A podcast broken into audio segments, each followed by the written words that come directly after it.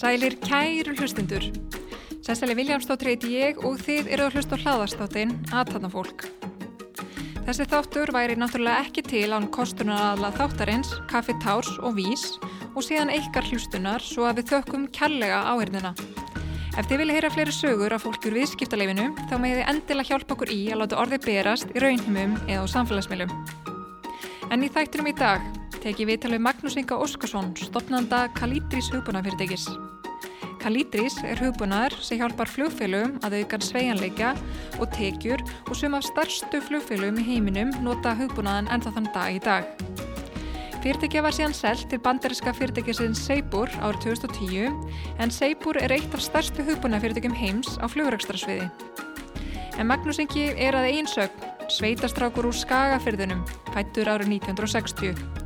Hann gekk í mentaskólan á Akureyri og síðan lauk hann BS í tölvunafræði frá Háskóli Íslands og síðan mastersnámi í tölvunafræði við Illinois Institute of Technology í Chicago og síðar MBA-námi frá EMD í Sviss.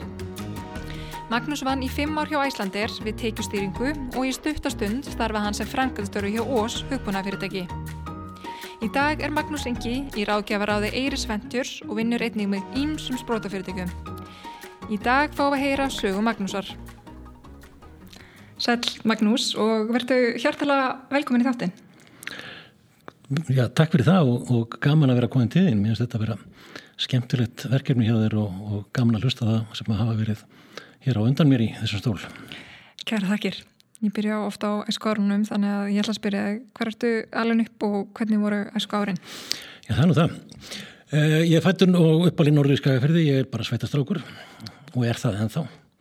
Þegar ég er þar þá er ég bara maggi brekku og uh, þar ráku fóröldra mínir uh, bú og, og byggum með, með hérna, kindur og, og byggum með börn.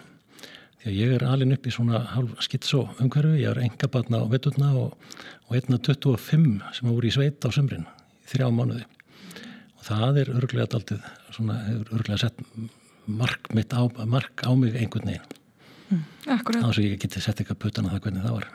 Þetta var ægilega gaman að, að vera í þessum, þessum stóra hópi á, á, á sömrinum að fann það mjög fljótt að það þýtti ekkit að vera eldast við einhver, einhver, einhver, einhver forréttindi hjá mamma og pappa. Það var, maður langt best að vera bara einn á hópnum. Mm -hmm. Hvernig bann varstu? Ábyggilega, ég bara ég núna áhuga samur og, og, og hérna um það, og sko áhuga samur og það sem ég hafði áhuga á og örgulega nýðlatur með það sem ég hafði ekki áhuga á og uh, gaman að því að leika mér náttúrulega með félagum mínum og dellu, veiði dellu þegar ég var krakki og, og var, var, var ekki til friðisnum, ég var einhvers þar út í áa með, með, með stöng.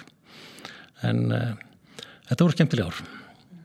Svo náttúrulega var, var maður að vinna líka alltaf. Þetta er, þetta er, þetta er sko að, að vera alveg upp í sveit því það að þú ert farin að vinna frá, frá barsaldri, ég var farin að, að hérna, gera traktor í heiskap 7 ára gammal En sem ferði í mentaskólan og akkur setna meir, hvernig voru mentaskóla árin hjá þér?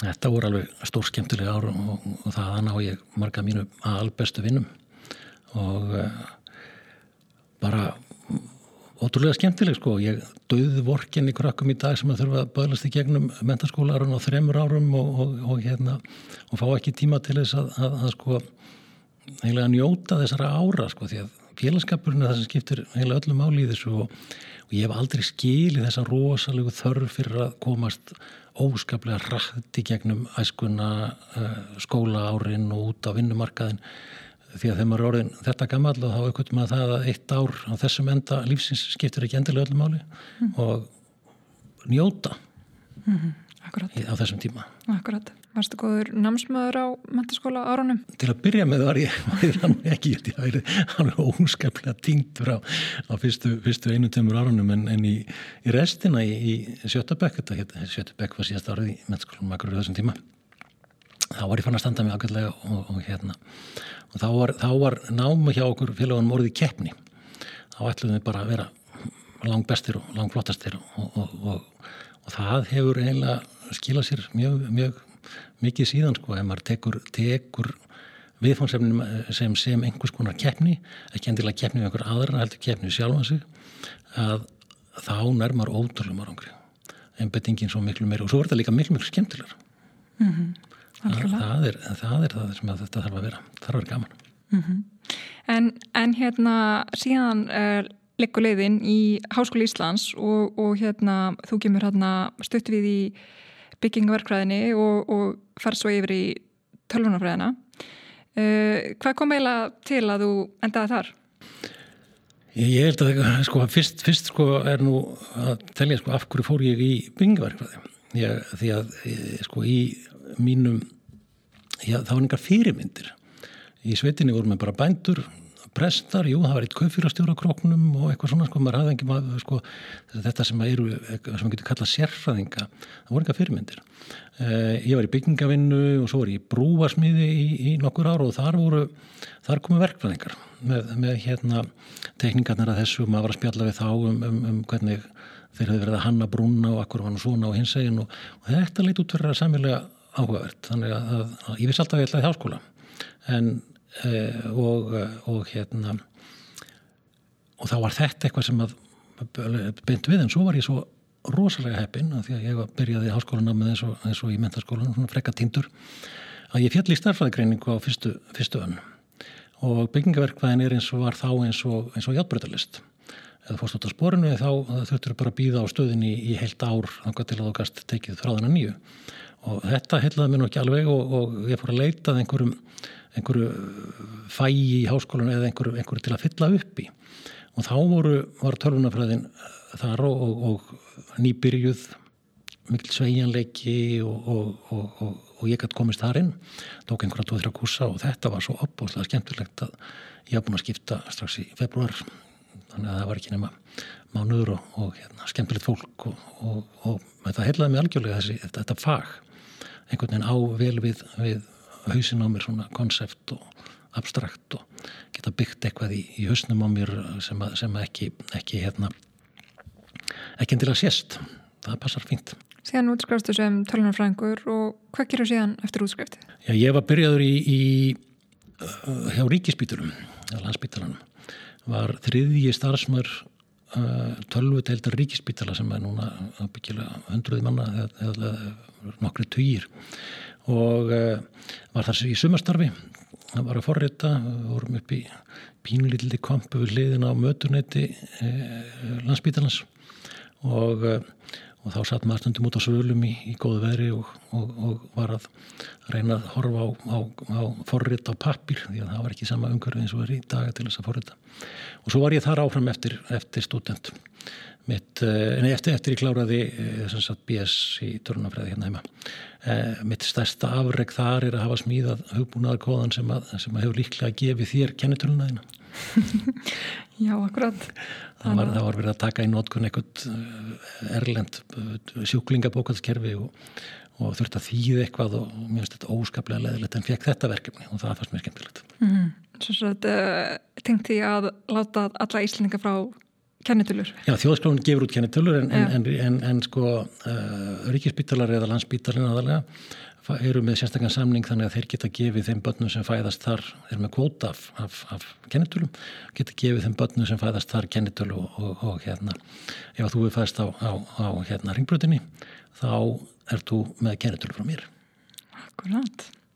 Passar akkurát upp á árin, sko. Já, en hérna, en síðan árið 1984 þá hérna ákveður að fara í mastersnám í tölunarfræði uh, og ákveður að fara til bandaríkjana hérna í Illinois Institute of Technology í hérna Chicago.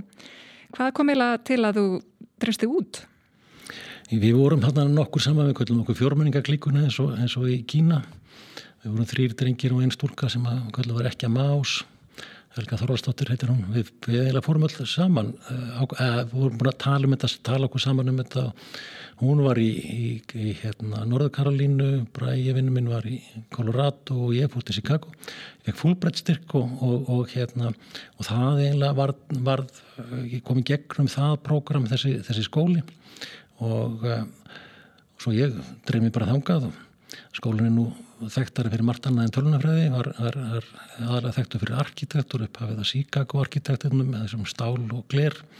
Mís van den Róvar sem er einn af þessum frægu gamlu arkitektum, hann var hann skólastjóri og, uh, og margar flottar byggingar eftir hann á, á skólasæðinu en þannig náði ég allavega mjög góðri yfir sín yfir tölunafræði sá hvernig þetta hekk allt saman saman og, og, og, og púslaði en uh, var á kafi að forrita og svona. En það var eitt sem ég glemdi á þessum árum. Ég var eiginlega svo mikið nörd að ég fór bara til þess að ná mér í þekkingu glemdi því alveg að, að ná mér í vini. Og það er engin, ég er, í sambandi við einn frá þessum, þessum tíma og það er eh, verkfræðingur sem er í Pakistan, ég er endur ekki hittan en við spjörnum saman á, á, á Facebook en ég glemdi algjörlega að þessum, þessum hluta af því sem að fælst í því að vera í skóla erlendis og upplifa og, og, og svona en, en þekkinguna fekk ég mm. Hvernig varu árin í Chicago? Hvernig var svona að búa þar?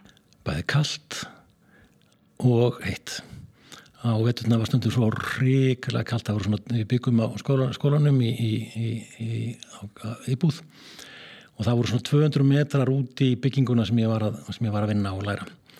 Og stundum var svo kallt að maður gæti gengið 100 metra þá ætti maður að hlaupa og spretti þess að 100 metra sem eftir voru. En uh, sömurinn voru fín, voru mjög gott að vera í Chicago þetta er uh, minnst mjög skemmtileg borg.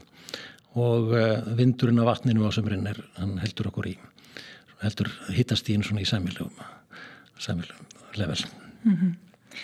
En hérna síðan eftir uh, töliðina í Chicago þá kemur þau aftur heim til Íslands. Og hvað færðu eiginlega að gera þá? Ég hafði eiginlega enga hugmyndum hvað ég ætlaði að fara að gera þegar ég ég var búinn. Og var ekkert svona sækjum neitt eða svona, svo fikk ég símdal þá var það uh, Laura Margrit einhvern veginn sem hafði hitt mig á landsbítalinn með unniðast með mér þar og hún var að stýra stjórnunafélag Íslands. Stjórnunafélag Íslands var þessum tíma eitt, eitt al, mest endurmentunar batteri sem, að, sem að var, var hérna. Var með fullt af, af viðskiptanámskeiðum rækt tölvurskóla málaskólan Mými, Rítraskólan og eitthvað flera og hún ringdi mér og spurði hvort ég vildi vera taka mér þennan, þennan tölvurskóla og ég hugsaði með mig, ha, hm. Jú, þetta ég ekki kannski lært eitthvað þessu. Svo ég fór í það og þetta var, var mjög gaman. Uh, vorum þarna að, að stækka þetta, fullt af tölvunámskeiðum, uh, byggum til stærri skóla, stærri námskeið uh, og nafnskaplega skemmtilegur hópur sem að, sem að var að vinna þarna. Við vorum öll sem er svona millir 25 og 30 ára gömul og uh, höldum saman enn þetta í dag undir undir hérna merkjum, merkjum FÍSA sem að stenda fyrir farin í störf annar stað því við fórum öll í störf annar staðar á, á sama tíma. Mjög skemmtilegur hópur, höldum, hittumst ofta ári. Þú ákveð síðan að fara ekki strax í annar staðar, heldur að fara aftur í skóla. Hvað kom eiginlega til að þú uh, ákveður að setjast aftur á skólabekk? Á þessum, þegar ég var í stjórnarfélaginu þá, þá rampaði ég á það að fara að sinna ráðgjafastörfum í, í stefnumótun í upplýsingatakni tók að mér verkefni, hils vetrar verkefni fyrir innandild sambandsins á Akureyri. Flög alltaf norður á fastutugum og, og vann með þeim á fastutugum og, og, og hérna fekk lefi til að gera þetta á vinnu og uh, þá aukvitaði það að, að ég vissi eiginlega ekkit um rekstur. Uh, vissi hellingum tölfur en vissi ekkit um rekstur en mér fannst þetta, þetta þessi ballans alveg afskaplega heillandi. Og uh, þá poppaði upp svo hugmynd að fara í MBA-num og eh, ég vildi ekki vera til bandaríkjana þannig að, að, að, að Európa var, var ofana og það var hérna, ég hitti mann sem hafi verið í, í IMEDE sem heiti núna IMDA í Lausanne í Sviss og, og mér varst þetta heillandi program og, og uh, sóttum það og alltaf þess að ekki um, um uh, insétt í, í Fraklandi líka og, en uh, svo sótt ég um og fekk bara svar mjög fljótlega, ég kemist inn og þannig að ég sótt aldrei neitt með mér og, og fór bara þangað. Það sem heitlaði mig við skólan var það að hvaðan var þetta var svona erfiðasti skólin það er að segja mest, mest af vinnan. Þetta var kallað bara her, það var herægi. En var, þetta var alveg geggjað ár og þarna vann ég upp það sem ég glataði í að þarna var voru við í 64 manna bekk bara einu 64 manna bekk. Mikil hópurna var stokkað upp í, í, í hverju mánuði og sett í nýja, nýjan vinnuhóp. Þannig að ég vann með mjög stórum hóp. En þessi hópur hittist einhvers þar í heiminum á hverju einast ári í dag. Og hvert sem ég ferðast þá, þá banka ég upp á hjá þessum, þessum vinnum mínum. Þetta er alveg gríðarlega sterkur vinnahópur fyrst sem ég er búin að koma til Íslands fara hér um bæði hérna Sunnalands og svo hef ég farið með norður í Skagafjörð og að mínar heimaslóður að sína það vinnum mínum og sína það hvernig ég er að vera að makki brekku og fara að Hesbakk og til Drangæi og flera rafting á, á jökulsánum og það eiginlega gaman hjá okkur. En svona ferir utan að kynast allir þessu frábæra fólki, hvað tókstu svona meira úr þessu, úr þessu námi? Þetta er náttúrulega einna virtustu viðskipta háskólum Evrópu og þetta MBA nám er mjög hátt rakkað. Hvað, hvað tókst út úr náminu námslega séð? Það sem að ég hafði mest út úr þessu námi voru mjúku málinu. Var vinnusálfræði, eh, samskipti og slíkt því að ég var bara nörd og, og þetta hafði aldrei höfðan eitt sérstaklega til mín áður. Uh, eins og Samabir Chicago, ég fór bara að læriði tækni og, og, og, og bara fór að sóti það og var ekkert að hugsa neitt annað. En þarna gæti ég virkilega bætt mig og öll þessi samvinna því það er ekki, í þessu prógrami er, er, er ekki gert út á samkefni það er ekki, er ekki spurningum hver er, hver er hérna, efstur endilega ég reyndar endaði á, á hérna, dýnslist en, en það er nú eins og en, en það var, ég vissi aldrei af hverju en, en ég varst allir verið miklu betur en ég. Og, en, en þetta var alveg rosalega vel haldið utanum þetta prógram. Maður fekk á hverjum uh, miðgudegi, fekk maður bunga sem var svona tvær, þrjár tommur að þygt sem voru öll case næstu viku, þetta var allt saman í case uh, vinnu. Og uh, svo að fara að undirbúa sig og, og, og, og maður var eins og í bara bara þú ert bara að, að læra, læra, læra, læra, læra meira og læra á svo fjölbreyttan máta svo fjölbreyttan. en þarna var eitt kurs sem að ég mann sérstaklega eftir. Það var frumkvölakurs eða, eða, eða fjallað um frumkvölastarðsemi og venture capital. Og mér finnst þetta alveg heillandi. Þetta, þetta var eitthvað, ég, ég haf aldrei gert mig grein fyrir því að það væri til einhver teória eða aðferðafræði í kringu það að búa til ný, ný fyrirtæki og, og þetta hefur örglega verið eina kveikjónum að því að ég fór við þessa leið sjálfur setna Þarna hefur þetta aðeins kveikna þér. Já, það voru náttúrulega margir eldar sem að, sem að þurfti, margir neista sem að þurfti til að kveikja þennan eld en, en, en þetta var alveg klárlega einn af þeim. Já. En hérna, síðan snýrðu aftur, aftur til Íslands eftir þessa dvöl og hérna ferði að vinna hjá Æslandir og vinna þar í fimm ár. Hvað varst það eiginlega að gera hjá Æslandir á þessum tíma? Ég var Uh, byrjaði í stefnumótunverkefnum uh, Boston Consulting Group hafi verið að vinna fyrir Æslandir að búa til, búa til hérna, stefnu fyrir aðalfélagið svo komaður inn árið eftir og búa til stefnu fyrir uh, dótturfélagin og ég hoppa beint, beint inn í það verkefni Æslandir hafi vildið að bá einhvern sem að væri að, að tengiliður, geti fyllt stefnunni eftir og reynda að koma því þannig fyrir að, að þetta er framkvæmt sem það var verið var verið að ákvæða Þetta var gríðarlega góð skóli. Ég var að vinna með innanlandsfluginu, ég var að vinna með hótelunum, bílalegunni, ferðarskristofinni, fraktinni. Þannig að ég kynntist eiginlega allir í starfseminni sko utan uh, móðufélagsins, ansi, ansi mikið. En svo var næsta verkefni og það var kannski mitt aðalverkefni, það var, að, var tekjustýring.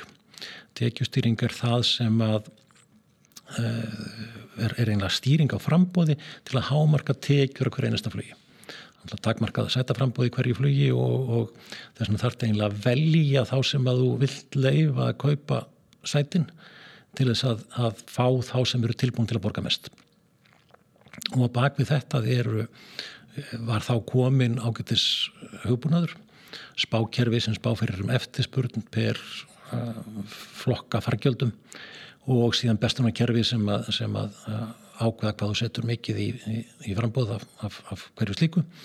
Og, uh, og þetta átti fínt við mig. Ég, ég hérna, fór að uh, kynna með þetta og síðan innleitum við uh, slíkt kerfi og, og verkferðlana í kringum það, safnaði að mér mjög góðu fólki sem að, sem að náði utanum þetta og, og þetta gekk bara fínt mm -hmm.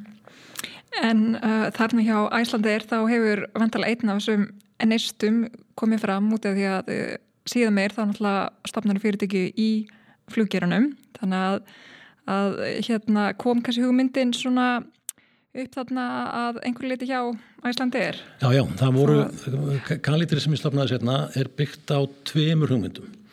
Önnur er svo að, að í ferðarbransum þessum tíma þegar þú selur í gegnum ferðarskrifstofur þá geta ferðarskrifstofunar bókað eða tekið frá sæti án þess að borga. Þetta er auðvitað það sem þú gerist á vefnu núna þar sem þú bara, verður bara að borga og allt, allt í lagi. En all, all dreifing var í gegnum ferðarskrifstofur eða, eða slíkt og það var úr tekin frá sæti og, og, og það var ekkert vist að þú yrðu að, að bókunum, getur verið fælt neyður og svo var líka verið bara að prófa og svona.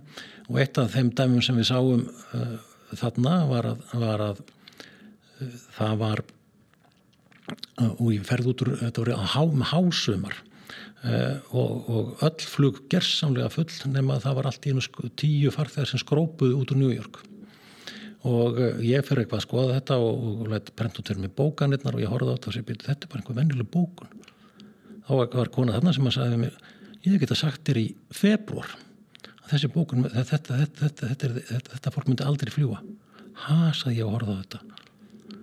Og já Þarna, þetta var bókaðengt hérna í janúar, síðan var þetta aldrei hrift og enginn syndi, syndi þessu neitt. Þá bara kom svona peru moment, svona eins og í andrisblöðunum og ég spattaði það að við vorum að vinna þetta á vittlesu level. Við ættum að vinna þetta á bókunum, við ættum að skoða bókanirnar meðan við vorum alltaf bara að skoða einhverja heilt og spá fyrir um það hvað mörg myndi margi skrópa. Þetta var sendt önnur myndin og setna þegar við settum upp á finnir þá sýttist þetta þessi ágæðlega við vorum að í miðri innliðingu þegar að öll uh, andrisar andar fjölskyldan skrópaði í hillæg Hui, Louie, Dewey, Daisy og Donald það voru fimm sæti, tóm í þeirri flugvill en, en, en hinn hugmyndin hún var, var svo að í flugbransin byggir á alveg æfa fornum kerfum þetta eru fyrstu e-commerce kerfi heimsins eh, og þau eru byggð á, á eldgömlum eh, mainframe tölvum smíðuð í assembler ef einhver veit hvað það er, alveg mjög low level kóða og það er ekkit hægt að vinna með þetta. Og Æslandir var að reyka eitt svona kerfi í kjallarinn hjá sér og, og, og, og það var hægt að gera og okkur félagina fór að við vorum að skoða þetta og þá fór okkur að dreyma um það hvað myndir nú gerast ef við myndum taka allir þessi gögn spólaðum yfir í einhvern ofin gagnagrunn þar sem við getum unni með þetta. Og þetta var síðan hín hugmyndir sem við tókum með okkur yfir í, í Kalitris að vera að setna mér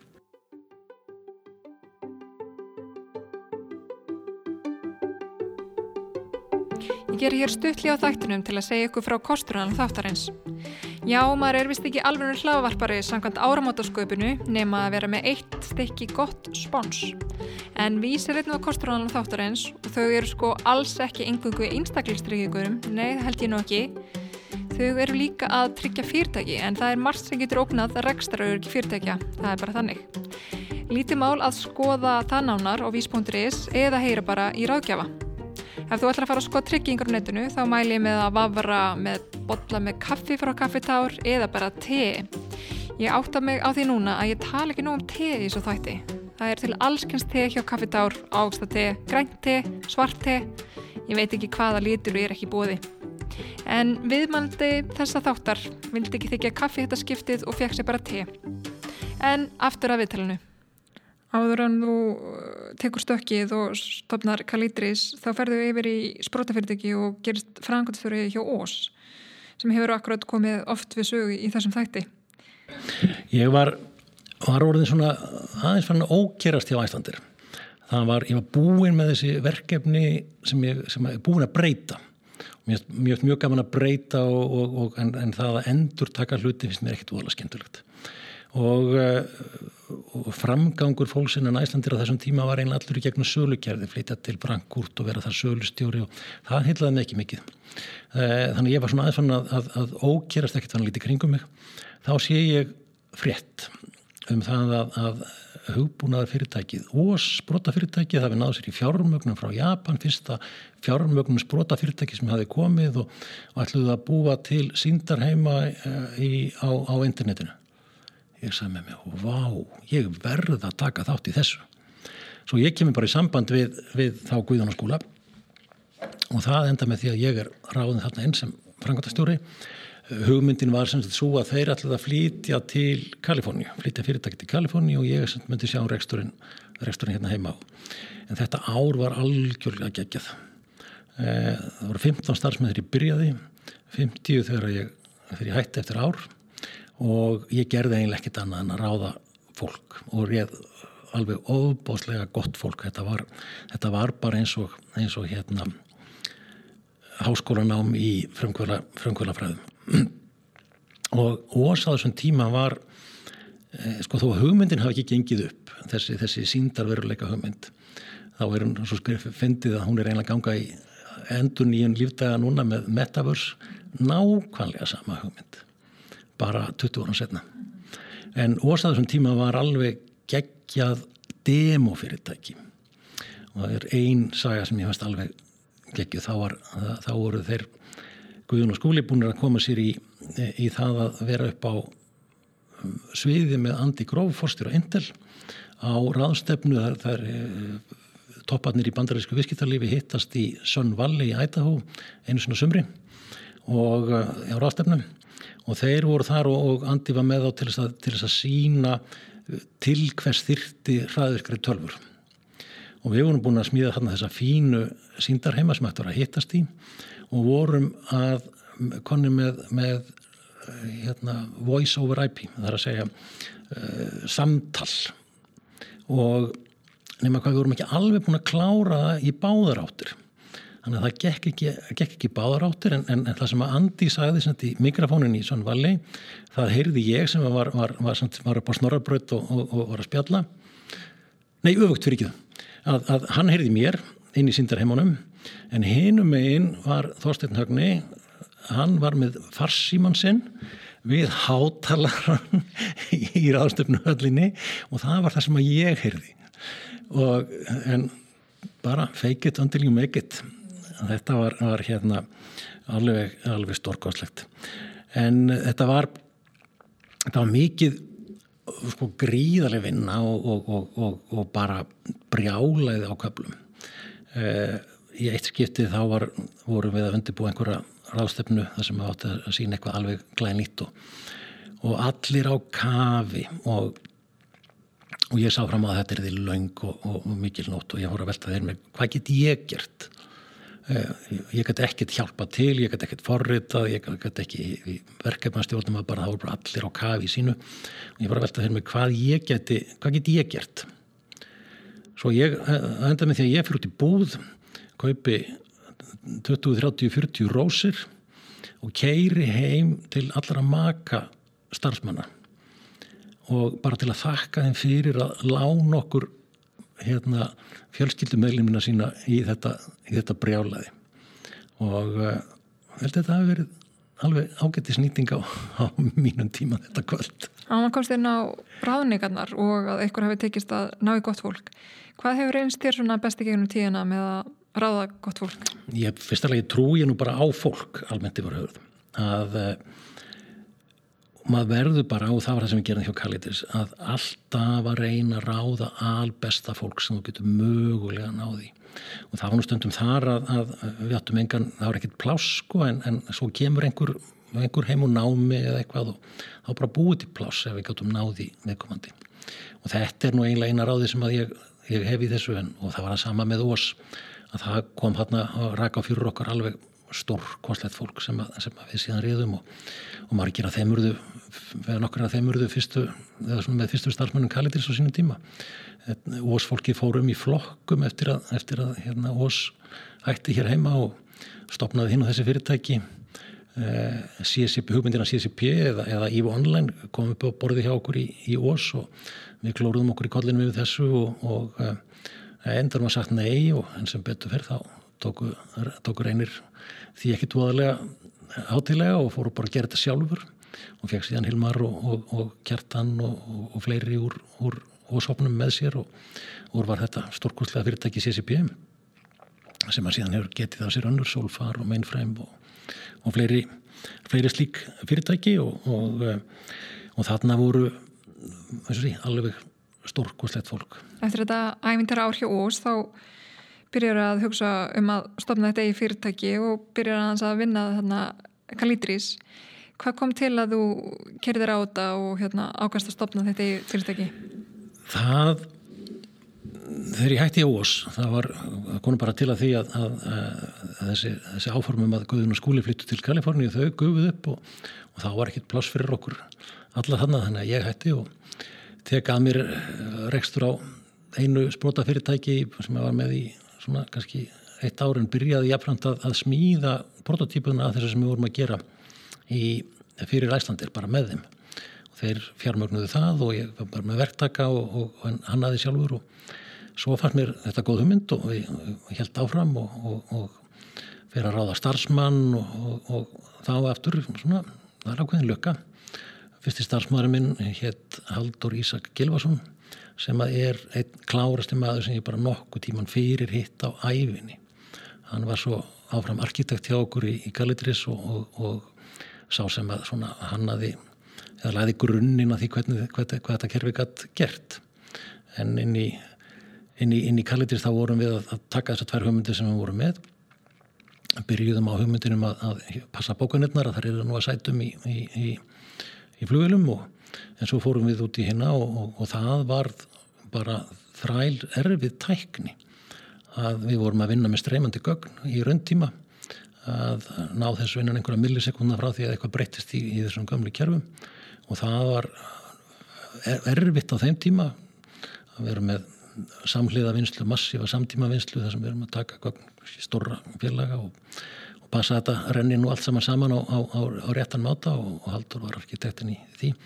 Hann, ég held að hann hafi byrjað hjá okkur fjórun sinnum.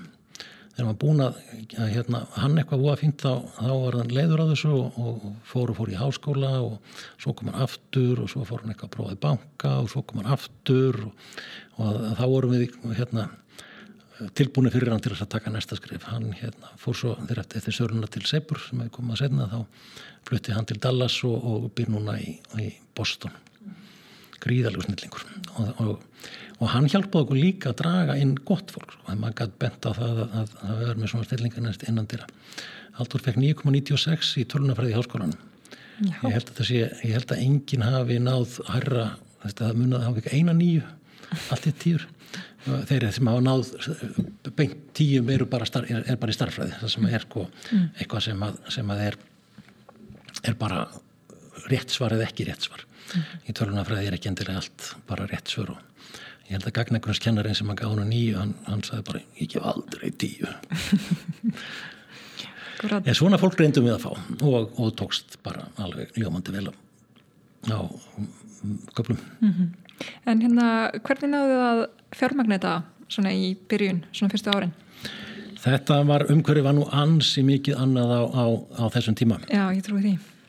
Við, uh, ég og félagin minn, við byrjuðum, sko ég byrjaði að, að, að ná þessu saman með, að byrja að stopnaði fyrirtæki með bandaræskum félagin mínum sem að, sem að ég hefði kynist ekki í, hjá Æslandir, hann hefði verið hjá fyrirtækinu sem selta okkur tekjustýringakerfið.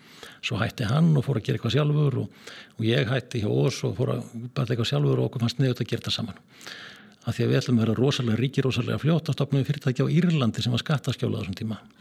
Og uh, svo fattaði maður þannig senna að þetta var nú ekkit að, að hérna eins og einhver saði overnight success takes 10 years. Og, uh, og svo kom að því 2002 að, að hann vildi hætta og, og þá fekk ég félagið minn frá Æslandir Kolbjörn Arembjörnarsson til að koma með mér í, inn í Kalitris og við vorum svona stopnandu því, því saman og uh, ég man eftir því einhvern tíman þá voru, styrkjakerfi var ekki til þessi sjóðir voru ekki til það var, engin, það var ekkit eirir ventjúr og það var ekkit, ekkit hérna gráberi eða brunnur eða, eða frumtak Nýsköpunarsjóður aðtunlýsins var til en, en hann var held ég full fjárfustur eða, eða tómur á þessum tíma, var, var, var bara ekki með pening til fjárfustinga en þeir áttu, það var eitthvað hjá þeim sem voru víkjandi lán við bönguðum bara hjá þeim og sagði þetta er nú örglega snuðut, við getum ekki fengið svona víkjandi lán jájá, ég geti fengið það. Hérna þið þurfum að veðsitja húsin ykkar. Við töluðum ekki við Nýsköpunarsjóð eftir þetta og, og fjármögnum þetta bara sjálfur alveg frá, frá, frá, frá grunni. En þetta var nú erfitt. Ég segi stundum við frumkvöla að þið besta, það sem getur best átt það er eiga mjög góða sultaról þeir eru eiga góða sultaról til að herða að ykkur því að þið fáið mjög lítinn laun í lang, langan tíma og þið þurfuð að eiga alveg rosalega skilningsríkan maka sem hefur skilning á því að þið getið ekki keft bíl eins og, eins og Jón í næsta húsi. Og þið getið ekki gert þetta og getið ekki gert þess vegna þess að það er engi peninga þeir fara allir í þetta. En og svo er þetta oft langir dagar mikil vinna. Ég man eftir því að það var yðurlega sem ég byrjaði annan 8 tíma vinnudag þegar aðri fóru heim. Og uh, satt fram eftir nóttu. Einu sinni þá var, var hérna átni yngstisónu minn hann var í leikskólanum og, og þar barst til tala, talsa að Ammans Eliasar, hún hafði ekki sést lengi. Og ástæðan fyrir því að var svo að hún var hjá Guði. Þegar stráku kemur heim um daginn hann spyrir mömmu sína mamma, er pappi hjá Guði? Því að ég hafði ekki sést lengi heima á mm. hans vöku tíma var farin áður en hann vaknaði og, og, og, og hann var sopnaður þegar ég kom heim á, á, á kvöldin mm. en ég var svona aðeins reynd að bæta þetta upp á setni, setni, setni tímum En hérna, hvenar, uh, hvenar byrja svona boltan að rúla hjá okkur? Hann byrjaði uh, þetta gekk í sjálf sér ágætlega sko. við, við náðum að vaksa hægt og rálega sko í 2004 en vorum 25 manns í, í, í vinnu e, og eitt af því sem við gerðum vel var það að við náðum að ná í líkil viðskiptafinnið. Flugheimurinn er doldið sérstakkur, þetta eru ekki maður 300 félag sem voru mögulega viðskiptafinnir. Æslandi var, við byrjuðum þar og vunum bara með þeim í, í fyrsta útgáfinni, síðan náðum við í Finnir og það er nokkið að sagja því. Þá vorum við nýbúnað hérna vorum í skrifstofu í uh, húsinu sem að, sem að Vodafone var í eða, eða hérna, IBM húsið gamla í Skaftarliðinni voru þar með hálfa, hálfa aðra hæðina. Fylgdum þar eftir sprótafyrirtæki sem vinnum í ræksin í landmatt og, og risa stórt og við vorum alveg eins og krækibur í helviti uh, ég held að við höfum verið tveir fastir starfsmenn að þessum, þessum, þessum tíma. Svo vil Finnir koma heim og hitt okkur og, og já, já, það er fínt. En þá fengum við alla sem að hafðu verið sumarstarfsmenn hjá okkur til þess að koma og setja inn á þessum, þessum tíma sem þessi fundur átt að vera. Þannig að við gáttum aðeins búið til einhver potenkintjöld sem að, sem að döði en, en þá vorum við sjálfsvegar ekki minna vöru en, en finnir kefti bara andlitið að, að við gætum gert það sem við værum að tala um og gætum gert það betur heldur en aðrir. Og hann við náðum í finnir og, og síðan uh, lagði Kolbeinn heilmikið á sig við að ná í Emirates og þessi flugfjölu urði bara vörumerkin okkar. Eh, þegar einhver spurði, byrju hver eru þið? Þá sagðum við aldrei við erum kalitri við erum þeir sem að gera þetta fyrir Emirates og búin til miljónir dólar hverjum einustu mánuð fyrir Emirates. Ah, ok, þá skulum við tala við ykkur. En þetta var uh, flugheimurinn rópin uh, mikil samvinna ráðstefnu sem allir mæta á og, og við þekktum í sjálf og sér alla frá því bara frá okkar æslandir, æslandir tíma Þannig að við nótum þess að þessi flugfélag sem okkur verum ekki. Næsta skref var, var British Airways. E, það var fyrsta flugfélag sem að kefti sko, stóra kerfið þar að segja gagna söpnunar eða sam, samþættingar kerfið e, eitt og sér og e, gríðarlega vinna þetta starðarinnar multimiljón pönda samningur. Þá voru, voru hugbúnaðurinn okkar seldur á sko, einskiptiskreislum bara læsensgjöld og svo einhver, einhver viðhaldsgjöld sem voru 15% á ári. Og þetta er alveg rosalega vond. Þetta er, þetta er bara heroín uh, fíkn. Þú, þú verður að, að, að hérna, fá næsta, næsta fix mjög fljótlega eftir.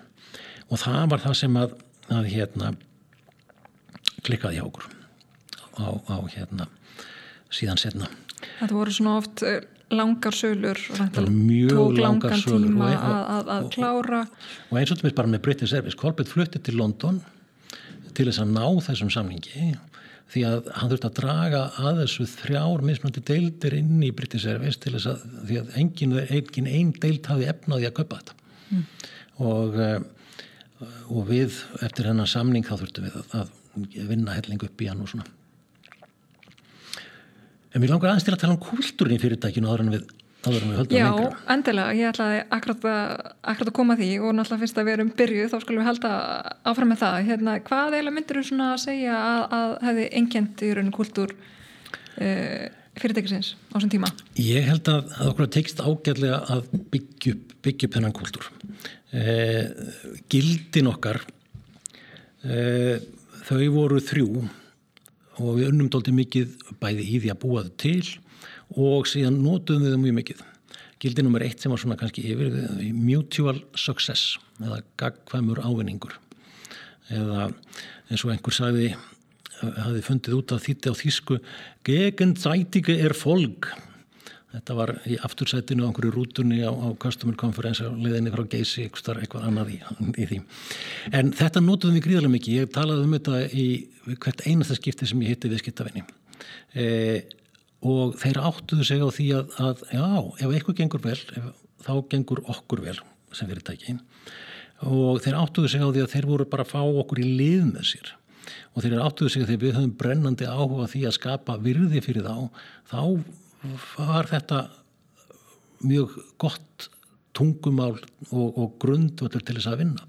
Og sem dæmum það einu sinni þá vorum búin að aukvölda það að, að því við höfum verið að selja svona einskiptis uh, höfbúnað og við vorum að tapa hverjum einasta mánuði á, á, á til dæmis Emirates. Og við vorum búin að rekna þetta út mældum alla tíma sem allt fólk notaði og, og, og fundum þetta út. Ég trómaði minni til Dubai og hitti Ramer sem að stýriði stýriði tildinni þar og slagði þetta fyrir hann og sagði þetta bara gengur ekki okkur. Næ, þetta gengur ekki. Ég get hækka við verðið, ég get tvöfalda við verðið núna og ég get tvöfalda við þið aftur á næsta ári.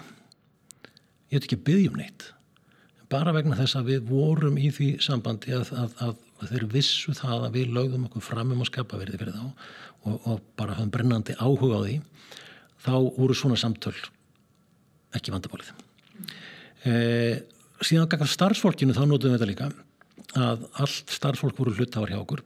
Bara leiðu það kom inn og þá fekk það að kaupa einhver ákveðin bref á krónum. Og svo getum við kæft það aftur ef fólkið hætti fljótlega eða, eða hvernig sem það hætti. Mann sér þetta inn á einhverjum, einhverjum fjórum-fimm árum. Og, og við byggðum þetta trösti líka. Opna bækur eh, einu sinni í mánuði þegar við vorum komið törlutnar fyrir síðasta mánuði þá var ég kynnt í þær með áallanir og, og eins og Geir Gunnarsson hérna af okkar vannum saði við mig ég, ég skil nú ekki endilega allar þess að tölu sem ert að tala um en mikið ofbóstlega er ég fegin og skuli sín okkur þar og þetta tekur í burtu svo mikið, það tekur í burtu þörfina fyrir eitthvað gossip að, að spá í hlutina, þú veist þú færði alltaf svör, þú, þú sérðu þú getur spurt, fólk kom til mín og, og, og hérna var að fara að kaupa íbúð hvernig er framhaldið? Getur við treyst, í að, að þetta verða allt í lagi? Mm -hmm. Það hafa spá svona gegnsæg og... Algjör gegnsæg sko okay, og, og kemur aðeins að því líka setna þegar við, við í sölunni til Seipur þá kom þetta mjög skýrt, skýrt fram sko. Næsta gildi var enjoyment og notum það líka mikið. Og, og þetta, það sagði fólki bara að það er ekki, það er bara ekki mátt að hafa gaman heldur þú átt að hafa gaman, þú áverða gaman í vinnunni. Þetta er ekki það við vorum að reyka skemmtigarð heldur er bara alveg opbúslega gaman að vinna spennandi verkefnum með skemmtilegu fólki.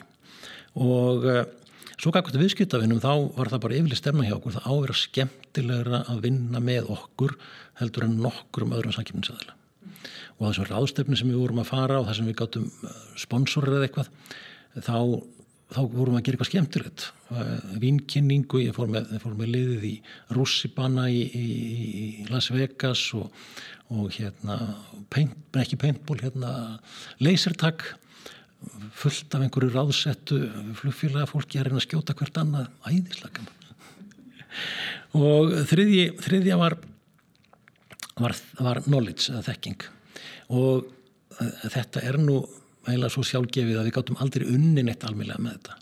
En hinn tvö voru algjör hotnstegni í, í því sem við vorum að, vorum að gera.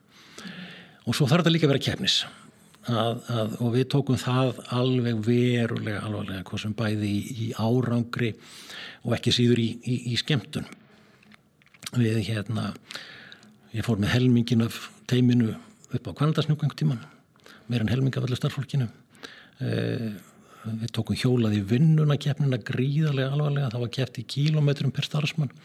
Við vorum með morgunfundi út á Altanissi og upp í Gravarvogi og, og, og, og hérna rústuðum, þetta er svona í uh, kategórium eftir starð fyrirtækina við rústuðum ekki bara okkar flokki heldur, heldur vorum við að keppa líka við, við hérna bara fyrirtæki sem eru fjórir menn við áttum einn alveg erki samkeppnisaðilega þar sem að var tannleiknastofa vina, vina míns á Akureyri sem að, sem að gekk undir nafninu Helvíts tannleiknirinn og, og hérna en þetta var, þetta var æðislegt og, og svo þegar það voru fyrir við, viðburðir eins og teambuilding day eða, eða ársati þá var laðist fyrirtæki bara hliðina í, í, í, heila viku mm -hmm.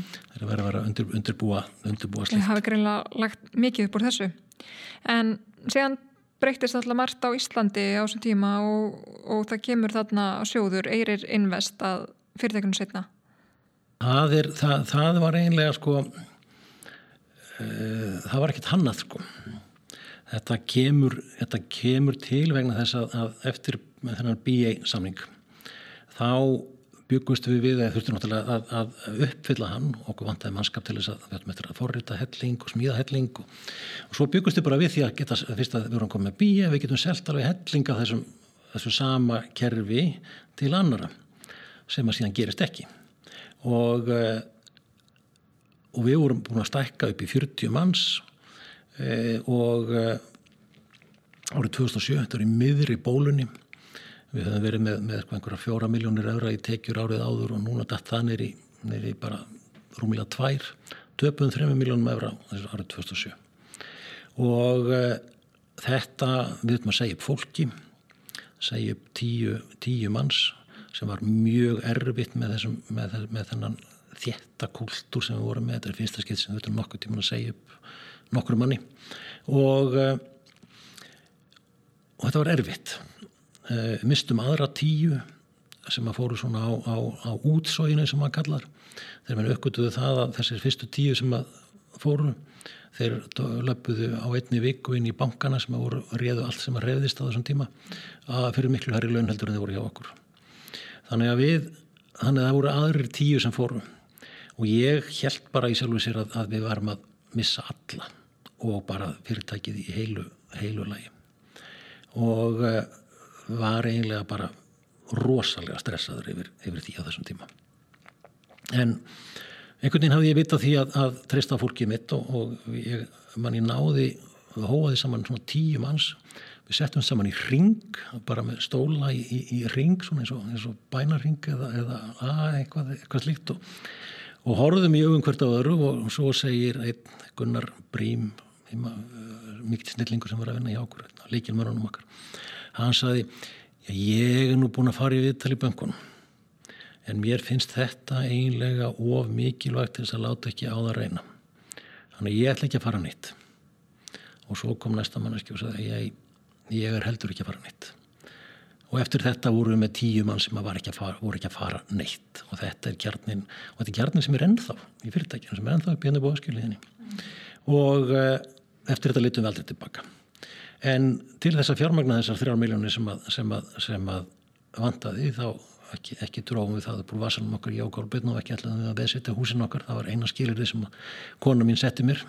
Í þessu hún er ekki sérlega, sérlega hérna, áhættu sækin en leiði mér að leggja mér í þessu með því skilir þið að, að við myndum aldrei veðsetja húsin. Og, og hún fjármagnaði matarköpinn og, og allt sem að á, þurfti til því ekki var ég með hálaun á þessum, þessum árum. En þá kemur eiririnn þeir eru verið að fylgjast eitthvað með okkur.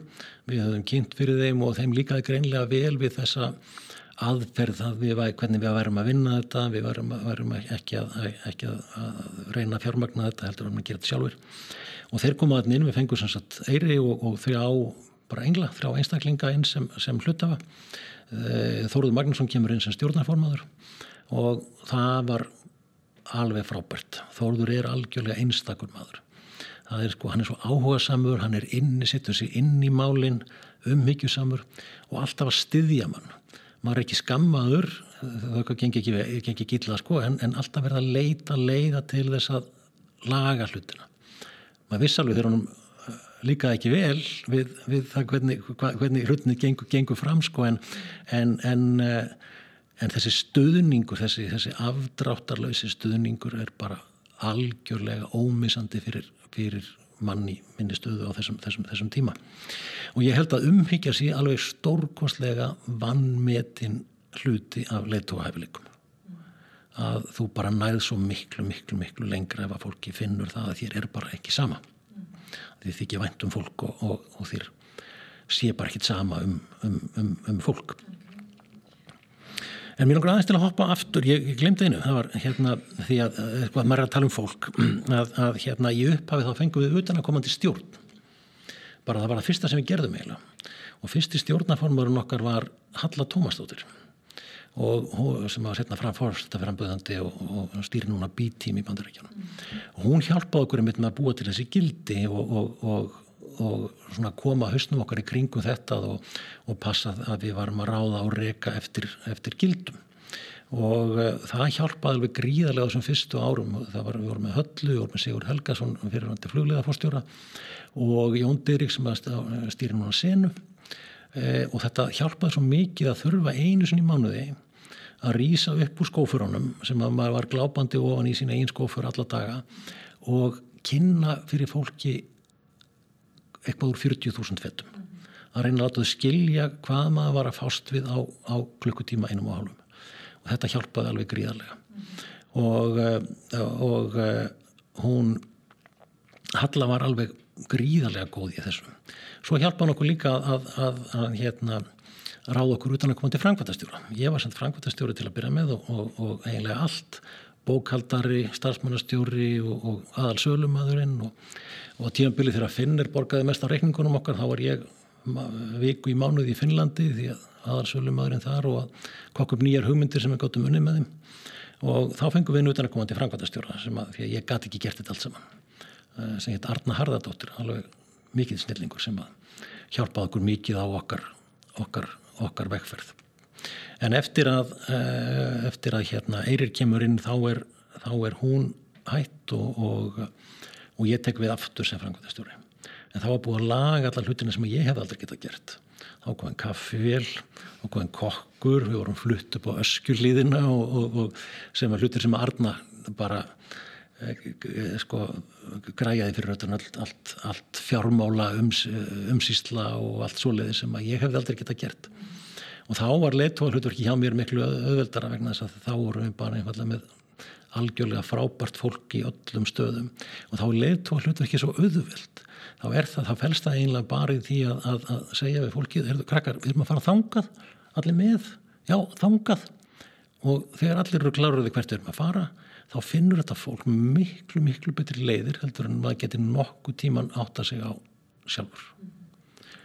Trista fólki til góðra verka og, og en passa það við séum allar sömu vekkferð það er málið. En á þessum tíma þá eru þið komin með meira fjármagn og það er komin hann að auðakomandi frangatastjóri.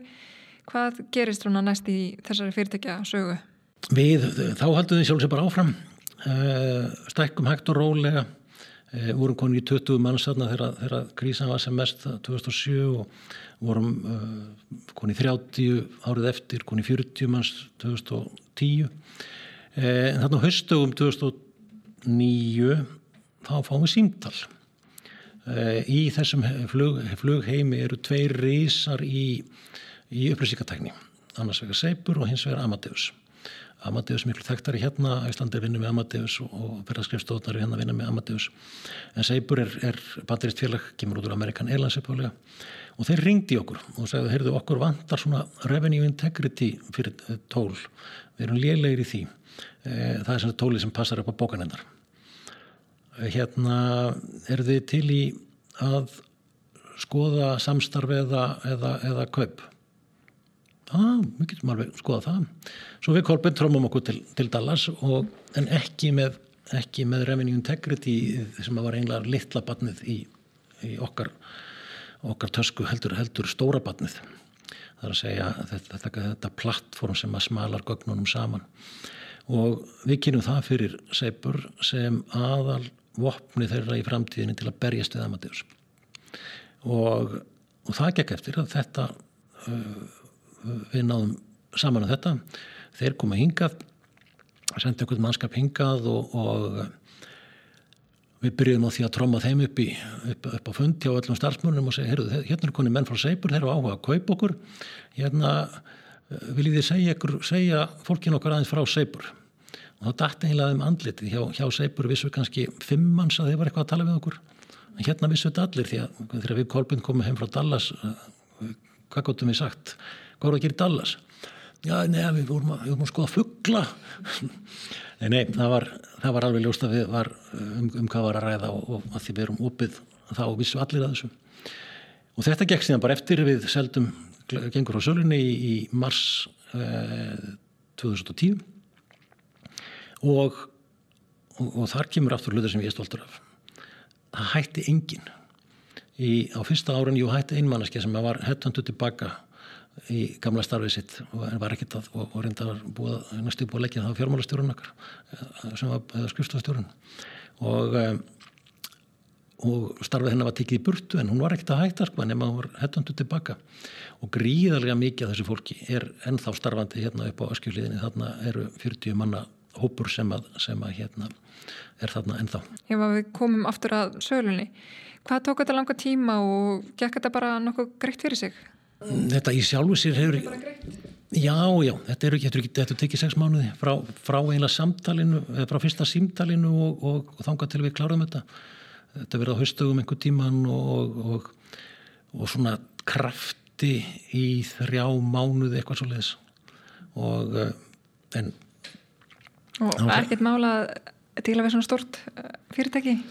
Jú, við fengum, við fengum, bara, við fengum bara góða hjálp. Uh, við við, sko, við, við kolbinn sömdum sjálfur þar að segja um dílin uh, hvernig, hvernig struktúrin á honum væri. Og uh, gekk það bara allavega þannig að við vorum sáttur við það. Og svo fengum við lagfræðing til þess að, að, að klára samningin og ekki hefði ég vilja vera í þeim, þeim viðræðum. Hérna heitir Ann Grevar sem var hjá Logos í, í Breitlandi algjörsnillingur í, í þessu.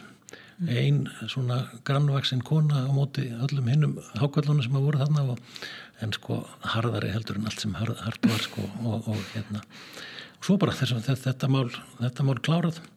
Við fylgdum með í kaupunum vorum, vorum þarna inn í þrjú ári ég og, og Kolbjörn og það var mjög aðtilivert mm -hmm. og það reyndar ábyggilega leksi að fyrir, fyrir aðra sko í, í hvað gerðist eftir það. Því að meðan við vorum að selja þá var, höfum við lítinn tíma til að selja. Við vorum aðal sölumennir í, í, í fyrirtækinu Jókólbein og uh, meðan að við vorum að selja þá vorum við ekkert að sinna því. Svo er það selt og, og, og það er einhverja væntingar um það að að okkar business gangi miða við einhverja fósendur og einhverja aukna sölu og eitthvað og eitthvað og, og það við verðum strax á eftir. Þannig að þá fengum við svona ímyndravandrað, ímyndin okkar löskuð. Og svo að fólk verða að kíkja hérna og sá allstað skrítna síði sem það kannast ekki þurra bandaríkjanum eins og til dæmis það að fyrirtæki verða að styðja við ársborgandir ásátt í starfsmanna og svona. Þannig að við vorum eiginlega bara í vandraðum og en þannig kemur eiginlega aftur lán, lán í jólanni því að Seipur sendi hérna 2012 eftir að erum búin að vera þannig í, í tvö ár nýja stjórnanda hengað þeim sem að þá var vörustjóri yfir þessu stóra verkefni og yfir skrifstofunni. Og hann kom heim með það með þau skilabóða að segja, heyrðu, gáðu hvort að sé hvað viti þessu annars lókar þessu bara. En hann hafði vitað því að, að sjá hvar gæðin lágu Hann fór og talaði við fórstjóra Æslandir og fórstjóra KPMG og spurði það út í ásáttíður. það er annars þar sé bara hvernig ganga köpum fyrir sig á eirinni í þessum, þessum afkíma jarðar. Mm. Og uh, svo fór hann að marka sitt okkur úti. Og þá föttuðum við kolpinn það að við höfum verið í þessu evangelista hlutverki. Við höfum ekki lögmæti. Við vorum utanakomandi að segja frá okkar utanakomandi fyrir, fyrir bæri inn í stóru mömmu. Hann er innanbúðamadur svo kemur hann og segir já, ég er búin að skoða þetta. Og þetta er allt í lægi og þetta er meira að segja alveg rosalega gott fólk hérna. Og þetta er uh, frábær vinnu andi samvinna og, og, og, og gleði og uh, hann snýrst bara við. Og núna er þetta sé, alveg mótelskrifstofa fyrir Seibur. E, þekkt fyrir þess, sam, þessa samvinnu og starfsanda og, og, og þau eru að reyna að læra þessu til þess að setja þetta inn, inn annar staðar. Mm -hmm. og núna er það ennþá þetta fór hæst í 50 manns eh, hérna hjá Seipur hérna frá en Seipur hefur verið að dragast saman held ég bara meir en fjóruðung og en við höfum sloppið hérna alveg við, eða næstum því alveg við uppsagnir en ekki fengið að ráða aftur e, þegar eitthvað er að hætt. En, en núna eru núna eru 40 manns aðnað frá í skrifstofu sem að engin veit upp uh, á byggarskjúliðinni millir döða og döða, millir, millir duftgarsins og kirkjugarsins í Forsvægi og þetta batteri er að skapa hátt í miljard í gælduristekjur á ári. Já. þannig að það svona segir aðeins um það hvað sprótafyrirtæki og staðsi starf sem getur skapað hér heima að þess að nok nokkur tæki eftir því. En hérna var hann sjálf sem þið seldu hérna út, er hún ennþá nýtt?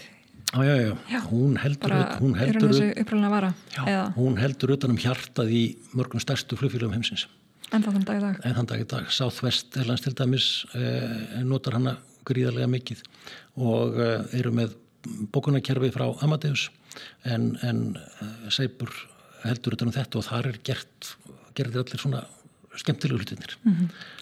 En hérna, hérna þegar þú seldi fyrirtekið, breyktist lífið hjá þér svona mikið persónulega? Eins og þú komst að áðan alltaf hérna, maður þarf svona í byrjun að borga sér aðeinsleira laun og, og hérna.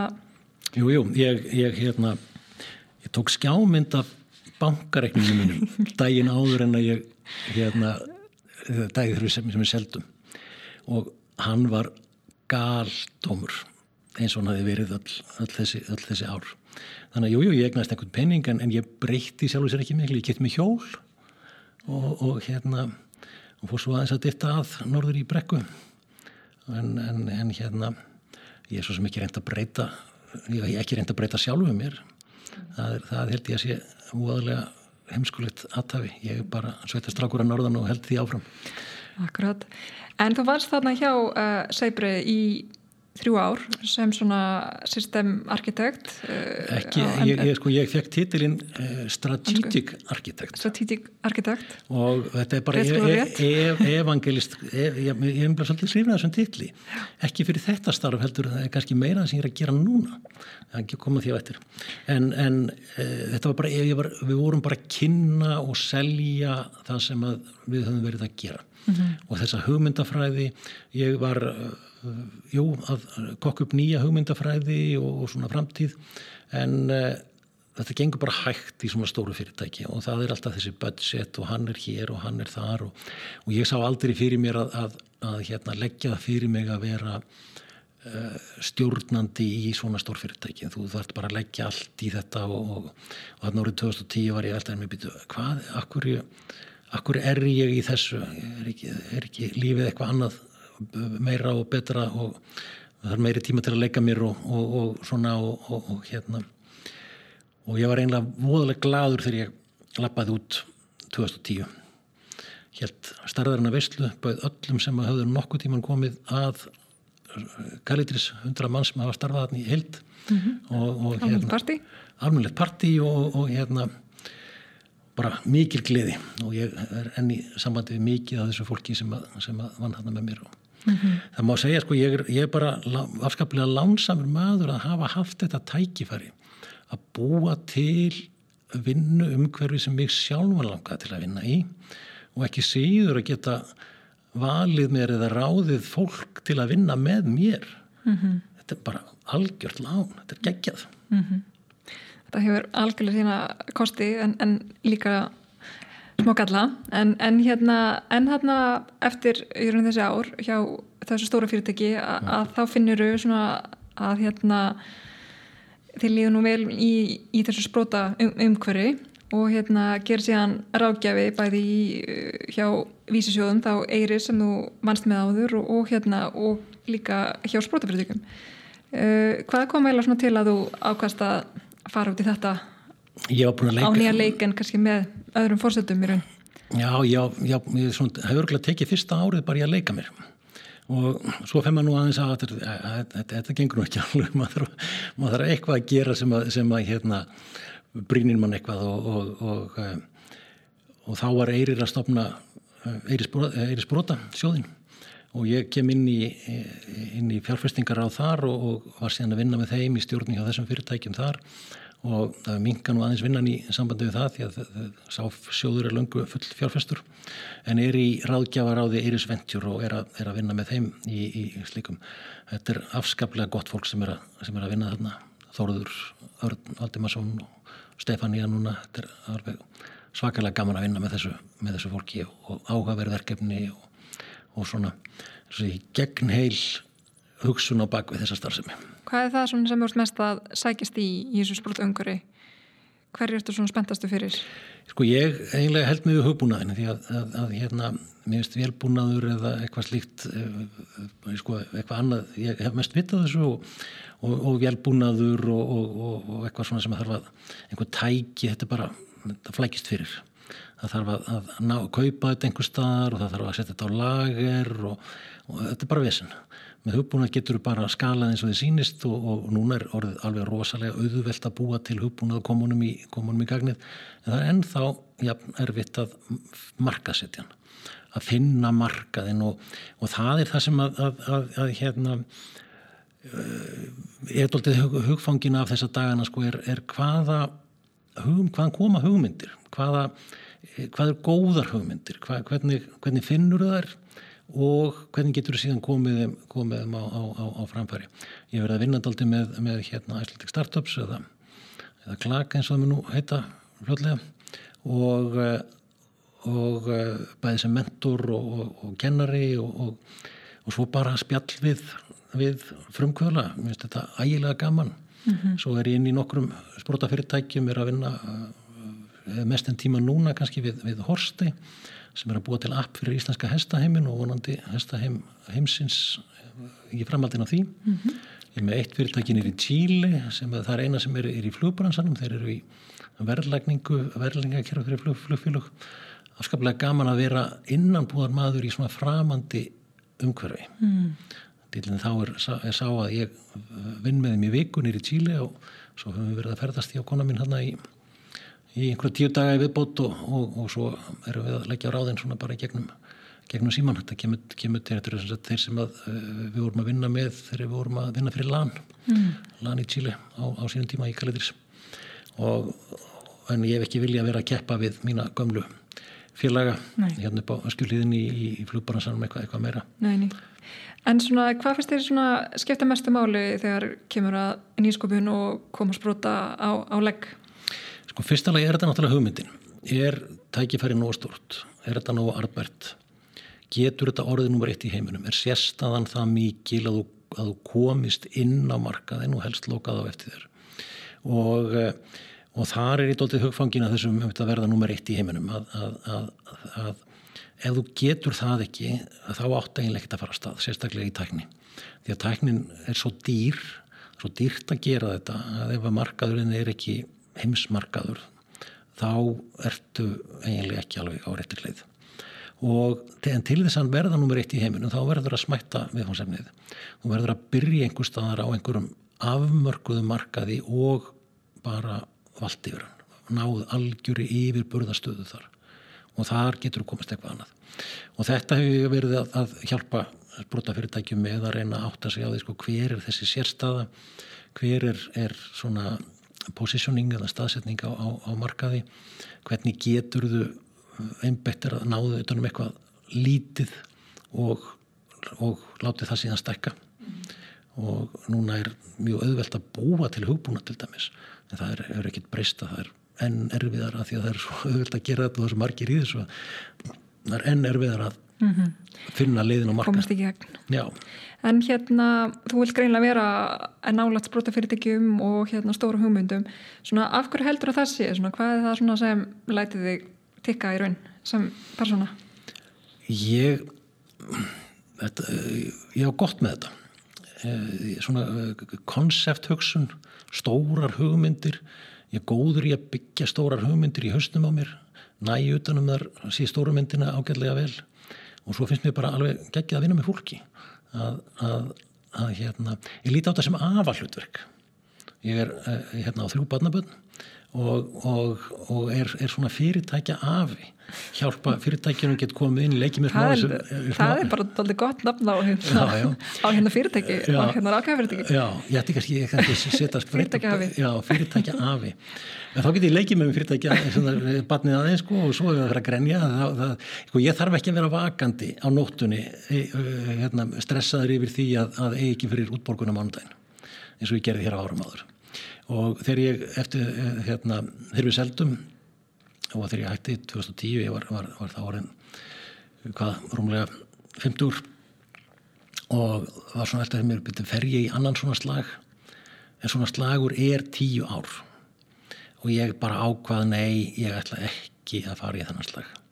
En, en, en þessi þekking sem ég er með þessi reynsla sem að, sem að ég er búin að ná mér í af, og, og og svo sem við að mér áfram með, með því að tala við fullt af öðrum vinna með, með öðrum sprótafyrirtækjum, hún nýtist rosalega vel að hjálpa nýjum fyrirtækjum að, að, að vera ekki dregin í gegnum sömutur öllu pollana eins og ég skreiði gegnum sjálfur á, á, á, á mínum árum. Að þetta hjálpar að hafa einhvern eh, svona í, í hodninu hjá sér sem að getur sagt þér aðeins til að segja nei, þetta gengur ekki, þú voru að gera eitthvað annað. Og, og maður finnur það svo vel með, með þessi fyrirtæki sem búin að vinna með nokkur ári eins og, eins og hérna eins og tílimennina mína, hvað maður getur lagt að mörgum eftir dæmjum það, eftir þegar ég fór það niður til fyrst þá, þá voru þetta svona tíu manns og, og allt saman kallmenn og ég sagði, þetta gengur ekki. Þið verður það ráða konur. Ég kem á næsta ári og, og, og hérna og ég bara skinnja það er allt annar andi. Það voru konur inn, inn sko tveir forrættarar og hönnuður sem voru konur það var bara eitthvað allt annar moral og ég spurði, vá, hvað það flóði hvernig voru það þessu? Nú, þú sagður okkur að gera þetta og ég hef eiginlega ekki verið stoltur af, jafn stoltur af, af hérna já, já. nokkru, nokkru annari ráðgjöf sem ég, sem, sem ég hef gefið sko. en svo það var alltaf svona að íta sko að, að, að fara yfir sölu kynningarnar e, fara yfir sölu starfseminna reyna að minna fólk á að það er ekki bara nóg að vera í vöruþróun að, að endalust, þú mm. verður að selja og þú verður að vera mjög skýr á því hvernig þú setur fyrirtæki fram hvernig þessi hvernig þú ert að lofa í virði og reyna að, að færa því frá því að, að sko byrjaðu, byrjar að vantala því að tala um tækni að það er eina sem þú hefur svo fyrir að tala um vöru en þú, sko, ég segi, þú mátt ekki tala um tækni, þú mátt alls ekki tala um tækni þú mátt helst ekki tala um vöruna þína tala um virðið sem þú býr til mm -hmm. hamraðu á því og það er það sem að skiptir máli mm -hmm. því að sá sem er að tala við hann er engan áhuga á því hvernig þú gerir hlutina hann er þann eina áhuga á vörunni er það hvernig er að nota hana hann er allan áhuga því hvað hann gerir fyrir hann í virði mm -hmm. þetta þarf að tala um Já. og ekkert annað Algjörlega, hérna það er mjög augljóst að þú brennu fyrir þessu öllu en, en þegar Magnús er ekki að stopna fyrirtæki, er ekki fyrirtæki eða hjálpa öðrum sprótafyrirtækjum hvað, hérna, hvað ger hann þá? Já, ég er rosalega gaman að þið leika mér en með dellu fyrir dellum og, og, og, og helli mér og niðar sko. ég var á, á, á yngri árum var ég á kafi í Sviflugi á ennþá einhver Íslandsmeti í Sviflugi meðal hans lengsta Sviflugs með verið flóið á Íslandi 550 km og Svo hætti ég því og, og, og fór að ganga fjöll, búin að ganga 100 hæstu tindalandsins, við erum sjö sem höfum, höfum gert það. Núna erum við að fara með börnin okkar og sína þeim eitthvað sem 100, 100 tindum. En þegar ég var sem stressaðastur, þá á ég að tvö atkvörf brekku og ég man það sko þegar, ég, þegar maður kerði norður að á holdafröðuhauðinni þá er ég búin að skipta um blötu í höstnum á mér þá var ég hættur að hugsa um vinnuna og farin að velta fyrir mig hvað ég ætlaði að gera fyrir norðan. Fólkdra mín voru í búskap og ég var að hjálpa þeim og eitthvað og fullt af verkefni. Á leiðinu tilbaka eftir helgina þá byrjaði platan að, að spila og ég var farin að hugsa um vinnuna og næstu skref í áhaldafröðinni. Hitt aðkvarðið er í aðarvík á hotstöndum. Tengta pappi er fættur þar á uppalinn og þaðan flutti bara allt fólkið 1950, upp úr 1950, 1952 og fjölskyldan á, á atkvarf þar. Þannig að, að konar mín Signi og, og sýstur hennar tvær eiga þarna tíu daga á hverju einasta ári. Og við fórum þarna með allt okkar hiski og alveg bara hverju ári í 30 ár. Og þetta var einlega bara mín uh, sálgæsla ef við getum orðað þannig að fyrstu, fyrstu 7-8 dagana þá var ég hlaupandi um allt eins og Dúrasilkaninan í aðalvík. Þá var engin sími, ekkert ramagn engin bíl, eh, ekkert internet og það er ekkert að ná í þig og, og, og, og þú er bara að lappa og lappa um fjöll og fyrrlindi veiða og ég var, ég var svona upp um öll fjöll og út um allt í fyrstu 7 dagana. Það ár eftir ár á degi átta þá var eins og væri bara tekin, tekin hérna tappjúr eða hlift úr blöðuru og eftir það lág ég inn í, inn í húsi og las bækur og, og, og hérna.